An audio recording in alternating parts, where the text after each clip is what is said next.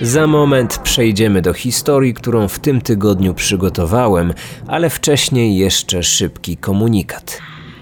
We wtorek, 9 czerwca, czyli jutro, zakładając, że słuchacie podcastu w dniu premiery, w aplikacji Empik Go pojawi się pierwszy odcinek dedykowanej serii Kryminatorium. Będzie to seria ekskluzywna, czyli materiały będą dostępne tylko w tym jednym serwisie. Format podcastu będzie podobny, ale jednak wprowadziłem pewne zmiany.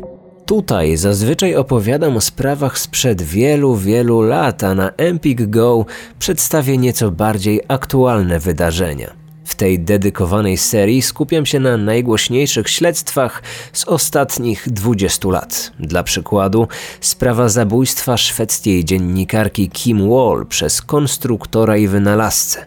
Na pewno kojarzycie. Chodzi o zdarzenie na łodzi podwodnej.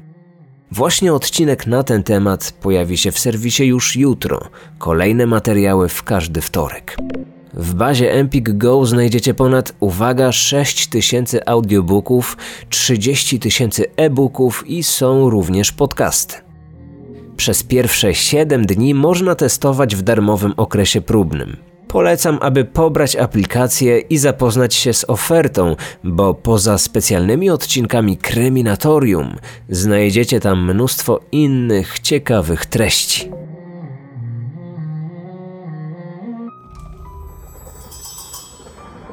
Kryminatorium. Sprawa, o której za chwilę usłyszycie, sprawiła, że Nellie Bly stała się jedną z najbardziej popularnych dziennikarek w kraju. Jej książka zatytułowana 10 dni w domu wariatów odniosła oszałamiający sukces, a sama dziennikarka stała się prekursorką tzw. Tak dziennikarstwa śledczego w wykonaniu kobiet. Ten typ pracy reporterskiej stał się później jej specjalnością.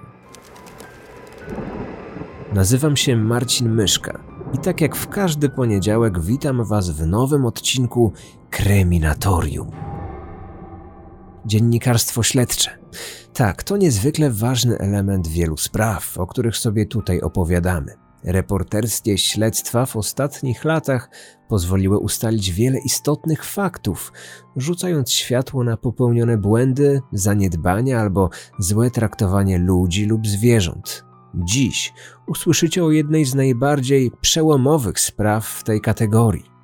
Przenieśmy się zatem do września 1887 roku. Kryminatorium. Otwieramy akta tajemnic.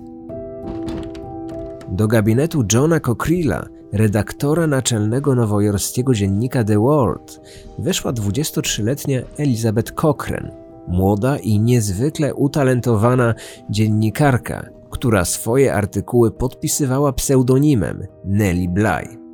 Cockrill miał dla niej nowe zadanie, którego warunki uzgodnił wcześniej z wydawcą gazety, słynnym Josephem Pulitzerem. Witaj, John. Podobno masz dla mnie nowy temat. Mów szybko, co to jest. Nie mogę się już doczekać. Jakby ci to powiedzieć, Elizabeth? Usiądź proszę, bo to, co powiem, może ci się nie spodobać. John, wiesz, że wezmę wszystko. Im temat trudniejszy, tym lepszy. Przecież mnie znasz. A ty znasz mnie. Wierzę, że walczę wszędzie tam, gdzie jest o co walczyć. Popłyniesz na Blackwell. Spędzisz tam kilka dni i napiszesz o nadużyciach w szpitalu dla obłąkanych. Podobno przetrzymują tam osoby zupełnie zdrowe. Mm, obawiam się, że to nic nie da. Dziennikarzy nie wpuszcza się tam na oddział zamknięty. Poza tym publicznie mówi się im tylko to, co mają usłyszeć. Dlatego nie popłyniesz jako dziennikarka. Zrobimy z ciebie wariatkę.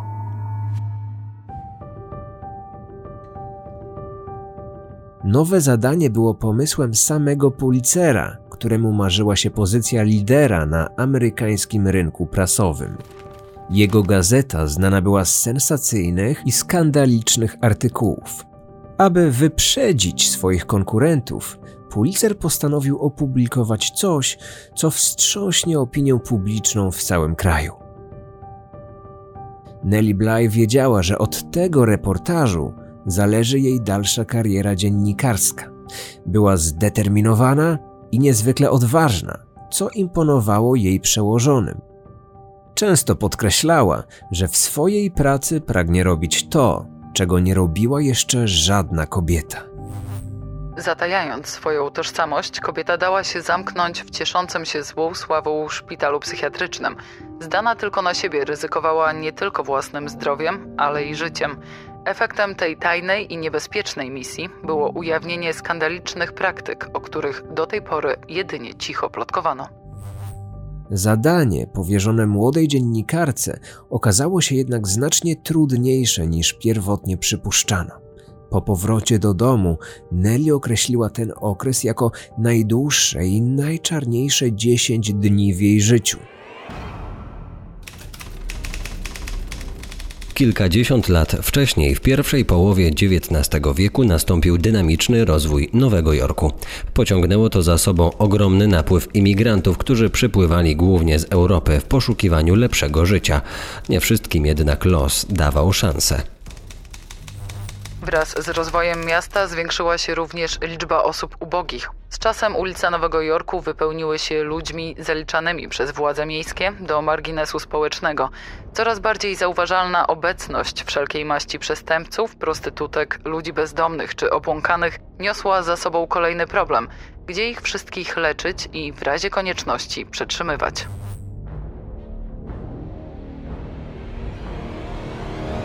Szpital publiczny w Bellevue na Manhattanie do lat 30. XIX wieku pełnił także rolę miejskiego zakładu karnego, przytułku dla biednych, domu pracy przymusowej oraz zakładu dla osób chorych psychicznie.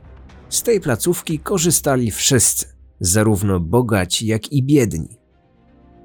Prowadziło to do coraz częstszych protestów zamożnej części społeczeństwa. Gdy w przeładowanym Bellevue zabrakło miejsca dla nowych pacjentów, władze Nowego Jorku postanowiły jedną decyzją zaradzić obu tym problemom.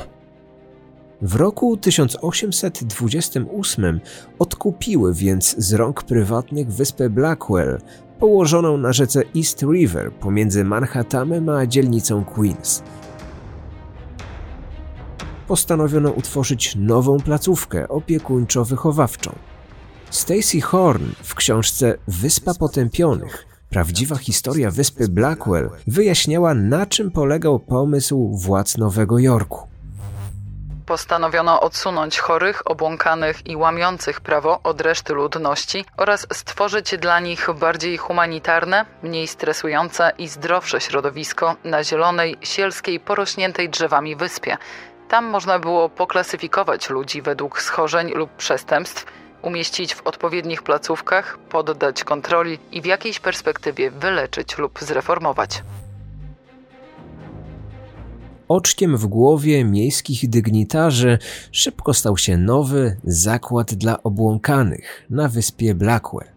Na plakatach i ulotkach wyglądał idealnie, dokładnie tak, jak sobie zamierzyły władze miał pod każdym względem prześcignąć podobne europejskie placówki. Jedna z rewolucji polegać miała na zamianie sposobu leczenia pacjentów, u których stwierdzono wystąpienie chorób psychicznych. Rok wcześniej uchwalono tzw. Tak specjalną ustawę o obłąkanych, która zabraniała zamykania osób psychicznie chorych w więzieniach lub domach poprawczych, co bardzo często miało miejsce. Wyspa Blackwell miała stać się modelowym przykładem rewolucji w leczeniu obłędu, opartego teraz na koncepcji terapii moralnej. Dla pacjentów miało to oznaczać mniej bólu i cierpienia, więcej spokoju i humanitaryzmu. I tak jak zapowiadano podczas otwarcia placówki w roku 1839, zmiana szybko nastąpiła. Była to jednak zmiana na gorsze. Pierwsze doniesienia o złych warunkach panujących na wyspie Blackwell pochodziły z wydanego trzy lata po otwarciu Blackwell reportażu angielskiego pisarza Carola Dickensa. Wszystko tam tchnęło gnuśnością i niedbalstwem, właściwymi domowi dla obłąkanych. Osowiały idiota przycuknięty na ziemi, z długim, rozczochranym włosem – mamroczący maniak ze swym szkaradnym śmiechem i wyciągniętym palcem wskazującym. Bezmyślne oko, dzika, nieprzytomna twarz. Tak wyglądali tam wszyscy, w całej swej nagiej brzydocie i ohydzie. Nikt nie potrafi sobie wyobrazić upodlenia nowojorskich ubogich, dopóki ich nie zobaczy. Jego notatki z podróży do Ameryki wywołały oburzenie w Stanach Zjednoczonych. Krytyczne uwagi angielskiego pisarza uznano za przejaw jego nienawiści do wszystkiego, co amerykańskie.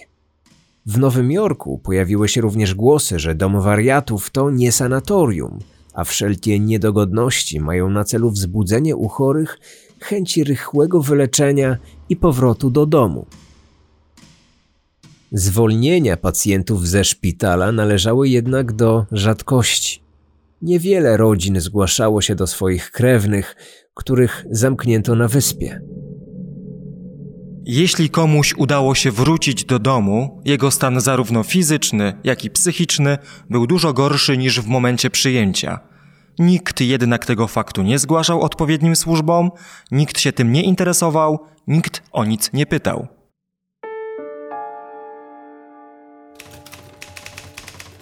Sytuacją pacjentów zainteresował się dopiero Joseph Pulitzer. Nie zrobił tego jednak z troski o dobro nieszczęśników zamkniętych na wyspie. Przyświecały mu zupełnie przyziemne ambicje, sława, bogactwo i tytuł króla światowej branży prasowej. Swój cel osiągnął z nawiązką, a 30 lat później został fundatorem słynnej nagrody swojego imienia, przyznawanej od 1917 roku w takich dziedzinach jak dziennikarstwo, literatura i muzyka. Przyczynił się także do zbudowania statuły wolności na wyspie Liberty w Nowym Jorku, przeznaczając na to własne środki oraz organizując wielką ogólnokrajową zbiórkę pieniędzy.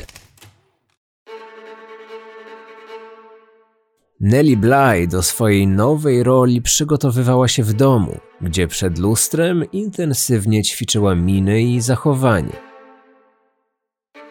Gdy uznała, że jest już gotowa, zgłosiła się do nowojorskiego przytułku dla bezdomnych kobiet.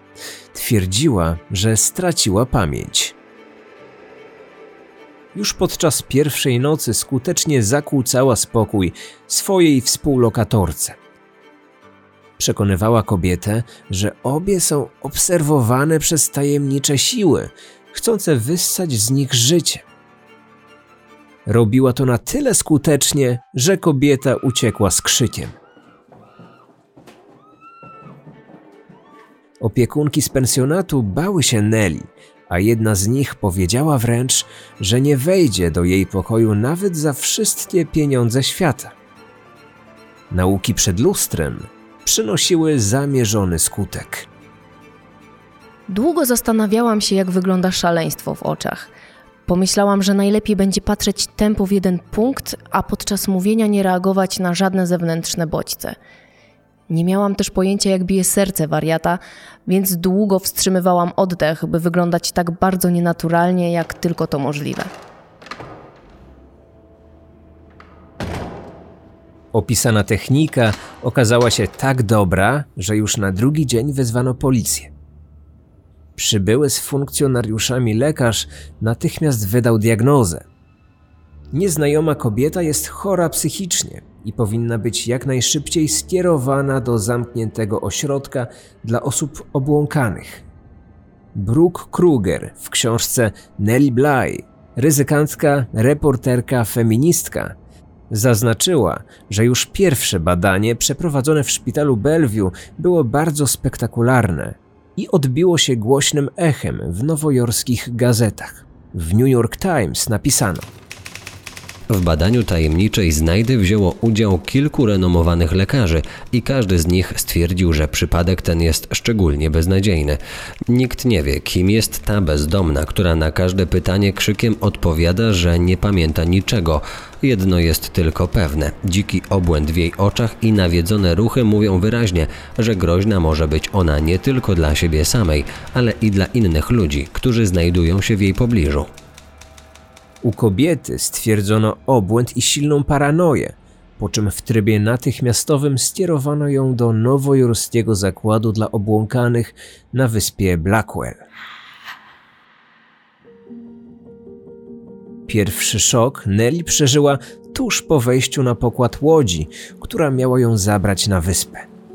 Pijany strażnik więzienny zaprowadził ją do zarobaczonej kabiny i oddał pod opiekę dwóm kobietom. Były to dwie prymitywne, potężne baby, które pluły tytoniem na podłogę raczej wprawnie niż uroczo. Ich rubaszny humor, który nie przystawał nawet pijanym marynarzom, wprawiał mnie w wielkie zakłopotanie. Nie sądziłam, że kobiety zdolne są choćby myśleć o tym, o czym one mówiły głośno. Strażniczki przez całą kilkuminutową podróż traktowały Nelly z nieukrywaną wrogością i pogardą. Nie wierć się tak, bo wylądujesz za burtą. Dość już mam takich elementów jak ty. Wy, wariaci, przynosicie wstyd naszemu miastu. Gdybym tylko mogła, chętnie zdzieliłabym cię po tym twoim chorym łbie. Gdzie ja jestem? Dokąd się udajemy? To nie wiesz, biedulko? Na wyspę Blackwell. Mówi ci to coś? Na wyspę? Dlaczego na wyspę? Bo to miejsce dla takich czubków jak ty. Zdechniesz tam jak wszyscy obłąkani. A teraz zamknij się, bo cię zaknebluję. Po wyjściu na brzeg niepokój dziennikarki był jeszcze większy. Zakład dla obłąkanych znajdował się naprzeciwko Manhattanu, pomiędzy 79 a 80 ulicą. Dwie wyspy leżały tak blisko siebie, że pensjonariusze z Blackwell mogli przyglądać się spacerującym po drugiej stronie rzeki Nowojorczykom. W drodze do izby przyjęć Nelly została osaczona widokami, zapachami i dźwiękami, których wcześniej nie znała. Nawet po latach nie mogła o nich zapomnieć. Wszędzie unosił się przykry smród z kuchni. Lecz zanim zdążyłam zadać sobie pytanie, dlaczego chorych karmi się tak cuchnącym jedzeniem, moją uwagę przyciągnął widok ludzi mijanych na schodach. Agresywni pensjonariusze uderzający głową o ścianę, chorzy, a nawet martwi, którzy w sposób haniebny wynoszeni byli na zewnątrz. Nawet człowiek najsilniejszy psychicznie byłby tym wszystkim głęboko poruszony. Główny budynek administracji miał kształt ośmioboku. Nie było w nim ani recepcji, ani poczekalni dla nowo przybyłych kobiet. Nelly na zarejestrowanie musiała poczekać na korytarzu, wśród pozostawionych bez opieki pacjentek, z których część wykazywała w stosunku do niej niezdrowe zainteresowanie. Po kilku godzinach odpędzania się od natrętnych rąk obłąkanych kobiet, Nelly została zaprowadzona do gabinetu dyżurującego w tym dniu lekarza. Gdyby nie był on ubrany w lekarski fartuch, miałabym znaczny problem z odróżnieniem go od innych pacjentów, których wcześniej mijałam na schodach. W jego oczach było coś, coś niepokojącego, co zacierało znaną mi granicę pomiędzy normalnością a szaleństwem. Karcie przyjęcia lekarz odnotował jej wiek, wzrost, wagę i kolor oczu. Zapytał też o miejsce urodzenia i stan cywilny. Nelly ze spokojem odpowiadała na wszystkie pytania. Czy pije alkohol? Czy umie pisać i czytać? Jakiego jest wyznania? Ani lekarz, ani obecny przy nim pielęgniarz nie zwrócili uwagi na jeden fakt. Kobieta udzielała szczegółowych odpowiedzi, mimo że w jej karcie wyraźnie zaznaczono wystąpienie amnezji. Stwierdziła, że nazywa się Elizabeth Cochrane i trafiła do Blackwell przez pomyłkę. Przyszedł czas na wprowadzenie w życie swojego planu. Chcąc potwierdzić plotki mówiące, że osoby zdrowe często przyjmowane były do placówki jako obłąkane, Nelly zaczęła zachowywać się zupełnie normalnie. W niczym nie przypominała już osoby z przytułku dla bezdomnych, którą skierowano na wyspę. Brak oznak szaleństwa i paranoi nie zrobił jednak na lekarzu żadnego wrażenia. Wręcz przeciwnie, wszelkie prośby o odesłanie ją do domu zinterpretował jako oznaki choroby umysłowej. Jestem najzupełniej normalna i żądam natychmiastowego zwolnienia. To skandal. Prawdziwy skandal. Skandalem jest to, że wariatów wciąż w naszym kraju przybywa. Zsyłają was potem tutaj i to ja muszę się z wami użerać. Wariat twierdzący, że nie jest wariatem, wcale nie przestaje nim być. Ale ja nie jestem obłąkana. Straciłam tylko chwilowo pamięć i właśnie ją odzyskałam. Zaszło wielkie nieporozumienie. Nieporozumienie.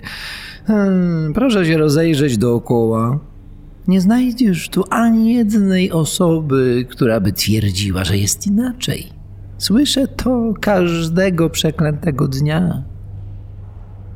Nelly została zakwalifikowana do ostatniej, czwartej kategorii pacjentów, czyli do osób nieszkodliwych, rokujących największe nadzieje na wyzdrowienie.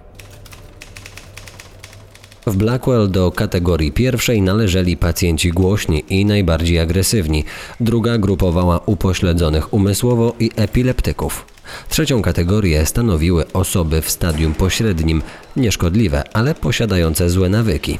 Złe bądź brzydkie nawyki z reguły oznaczały masturbację lub bawienie się własnymi odchodami.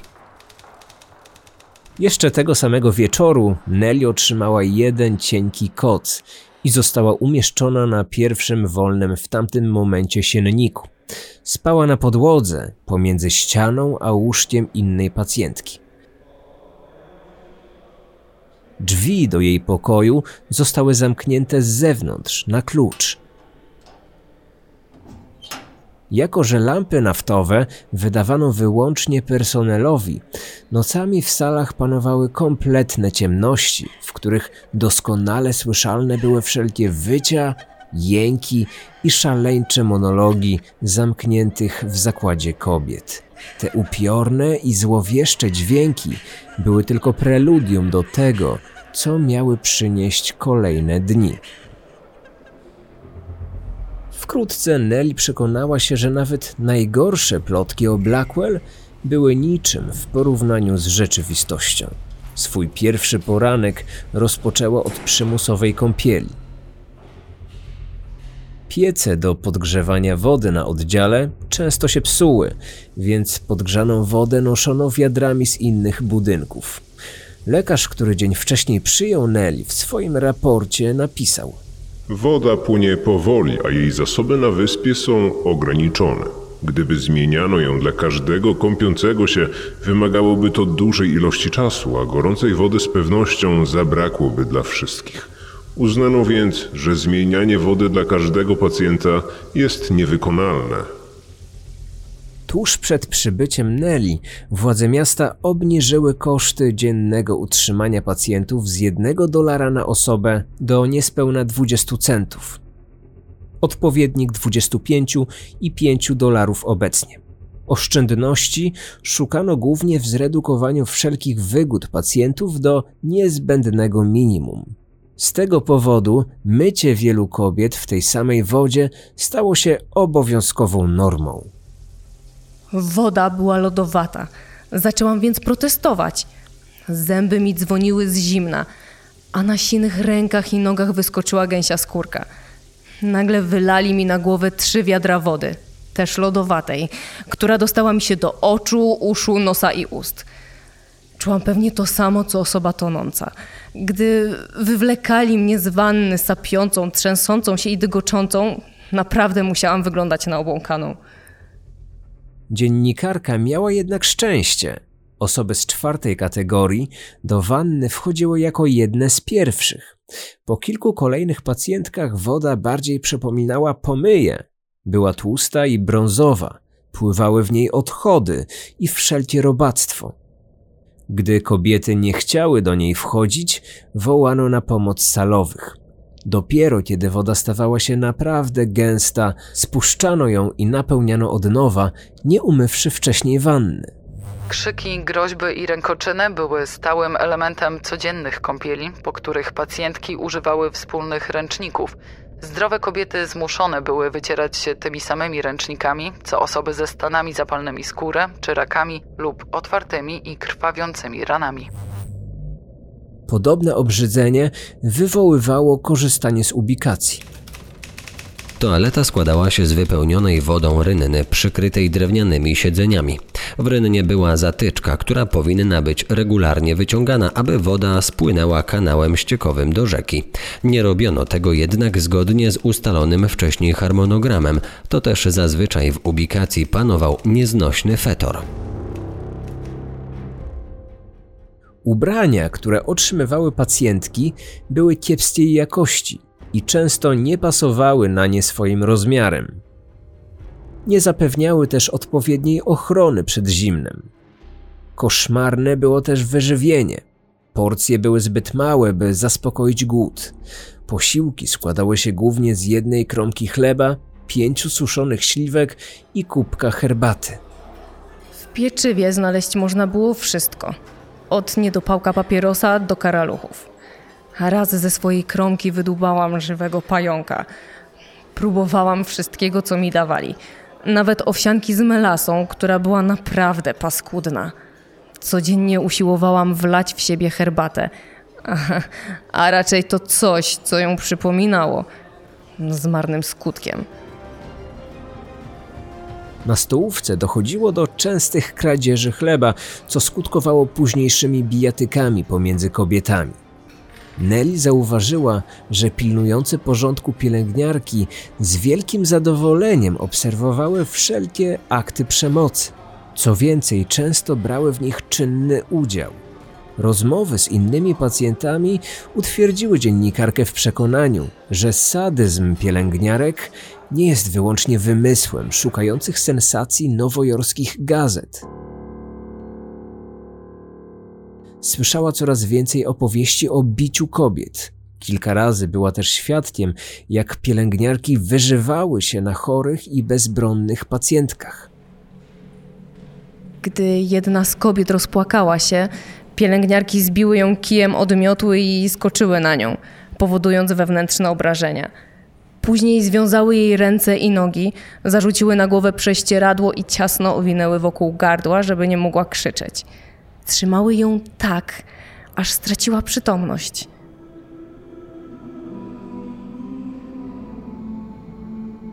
Pielęgniarkom wszystko uchodziło bezkarnie. Żaden z lekarzy nie wierzył w opowieści pacjentek. Nawet za śmierć pacjentek pielęgniarki nie ponosiły żadnych konsekwencji. Pewnego dnia do sali, w której przebywała Nelly, przyprowadzono młodą kobietę. Protestowała ona przeciwko umieszczeniu jej w brudnym i zatęchłym pomieszczeniu. Wieczorem pielęgniarki zabrały ją, przytrzymały nago w lodowatej wodzie, a na koniec rzuciły na łóżko. Następnego ranka kobieta już nie żyła. Lekarz stwierdził, że pacjentka zmarła na skutek konwulsji i na tym sprawa się zakończyła. Nell dowiedziała się, że w poprzednim roku na oddziale, gdzie teraz przebywała, zmarły 173 kobiety. Do ilu spośród tych zgonów doszło w podobnie tajemniczych okolicznościach? Na to pytanie dziennikarka nie potrafiła odpowiedzieć. W swoich późniejszych artykułach zwracała także uwagę na całkowite lekceważenie kwestii związanych z zapewnieniem pacjentkom ochrony przed najbardziej niebezpiecznymi i agresywnymi współlokatorkami. Zamknięto mnie w sali z sześcioma innymi kobietami. Dwie z nich chyba w ogóle nie spały, tylko przez całą noc majaczyły. Jedna wstawała z łóżka i snuła się po pokoju, szukając kogoś, kogo chciała zabić. Nie potrafiłam się wtedy oprzeć myśli, jak łatwo by jej było zaatakować którąś z innych pacjentek zamkniętych razem z nią. I jeszcze nigdy tak się nie bałam.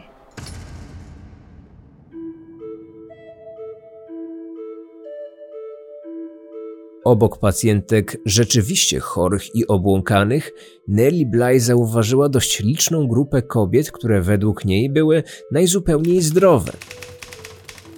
Zdarzały się takie przypadki, gdy mąż, chcąc pozbyć się swojej żony, płacił znajomemu lekarzowi za wystawienie diagnozy o jej obłędzie. Podobnych praktyk dopuszczały się dzieci względem swych starych i schorowanych rodziców. Łatwiej i znacznie taniej było oddać ich do zakładu dla obłąkanych, niż się nimi opiekować. Na jaw wyszedł także fakt zwożenia na wyspę kobiet, które władze Nowego Jorku uznały za element w ich mieście wysoce niepożądany. Były to głównie prostytutki, alkoholiczki bądź kobiety bezdomne. Według Nelly co najmniej połowa jej współtowarzyszek nie wykazywała absolutnie żadnych oznak jakiejkolwiek choroby psychicznej. Okazało się również, że wiele z tych kobiet było nielegalnymi imigrantkami, a na wyspę zostały zesłane tylko dlatego, że nie znały języka angielskiego. Zanim po umówionych 10 dniach pracownicy redakcji The World przybyli na wyspę Blackwell, by zdemaskować Nelly i odwieźć ją do domu, dziennikarka była fizycznie i psychicznie wyczerpana. Czułam, że dzieje się ze mną coś złego. Jeszcze dzień, może dwa i załamałabym się zupełnie. Miałam wrażenie, że jestem o krok od prawdziwego obłędu. Dopiero tutaj zrozumiałam, jak łatwo jest pozbawić człowieka przytomności jego umysłu. Jak łatwo jest zrobić wariata z osoby całkowicie zdrowej. Jeśli komukolwiek udało się opuścić żywym tę przeklętą wyspę, wracał do domu jako wrak człowieka, w stanie o wiele gorszym niż tu trafił. Kilka dni po odzyskaniu przez Nelly wolności opublikowany został pierwszy z wielu jej artykułów na temat skandalicznych warunków panujących na wyspie Blackwell. Wszystkie one wywołały sensację w całym kraju i były licznie przedrukowywane przez kolejne gazety. Dyrektor zakładu dla obłąkanych wielokrotnie publicznie protestował przeciwko wszelkim zarzutom, o których zrobiło się głośno. Twierdził, że nie miał zielonego pojęcia o nieprawidłowościach opisanych w gazecie. Nowojorskie władze pod naciskiem opinii publicznej zmuszone zostały do powołania specjalnie komisji śledczej mającej wyjaśnić wszelkie nadużycia. Głównym świadkiem podczas przesłuchań była Nelly Bly. Miesiąc później specjalny zespół, w którym znaleźli się zarówno burmistrz Nowego Jorku, jak i prokurator okręgowy, odwiedził Blackwell. Ich raport potwierdził zeznania Nelly Bly złożone przed komisją i skutkował zamknięciem zakładu.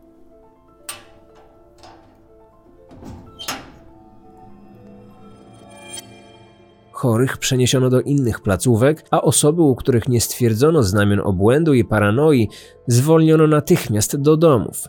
Stan fizyczny kobiet był jednak na tyle zły, że wszystkie one zmarły w ciągu kilku następnych tygodni.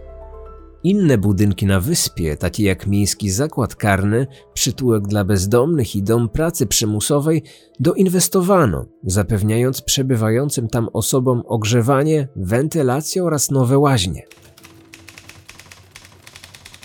Jedną z najbardziej zaskakujących decyzji, jaką podjęto w związku z modernizacją Blackwell, był zakup 25 kanarków. Lekarze stwierdzili później, że obecność tych ptaków na wyspie działała kojąco na nerwy i łagodziła stres ludzi tam przebywających. Poza zwolnieniem z pracy kilku najbardziej brutalnych pielęgniarek, nikt z personelu nie odpowiedział za swoje błędy, nadużycia i zaniedbania. Departament Dobroczynności Publicznej zatwierdził jednak wzrost środków przeznaczonych na utrzymanie Blackwell z 1 700 tysięcy dolarów do 2,5 miliona dolarów rocznie. Na obecne czasy to odpowiednik 42 i 62 milionów dolarów. To pozwoliło na zatrudnienie personelu posiadającego odpowiednie kwalifikacje, które wcześniej nigdy nie były wymagane. Zadbano także o bardziej szczegółowe badania osób przyjmowanych na wyspę.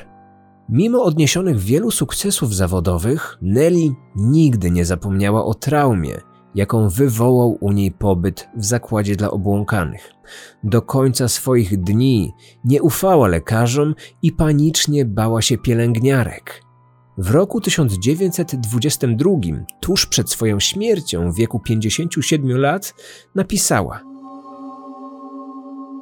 Opuściłam oddział dla obłąkanych zarówno z wielką przyjemnością, jak i z wielkim żalem. Z przyjemnością, bo znowu mogłam cieszyć się wolnym tchnieniem nieba. Z żalem, bo nie mogłam zabrać ze sobą tych nieszczęsnych kobiet, które żyły i cierpiały razem ze mną i które, jestem co do tego przekonana, były tak samo zdrowe i poczytalne jak ja. Nawet po tylu latach, gdy o nich pomyślę, w oczach mam łzy, a moje dłonie nie przestają drżeć. Zostawienie ich tam było niczym zakopanie ich wszystkich żywcem w grobie.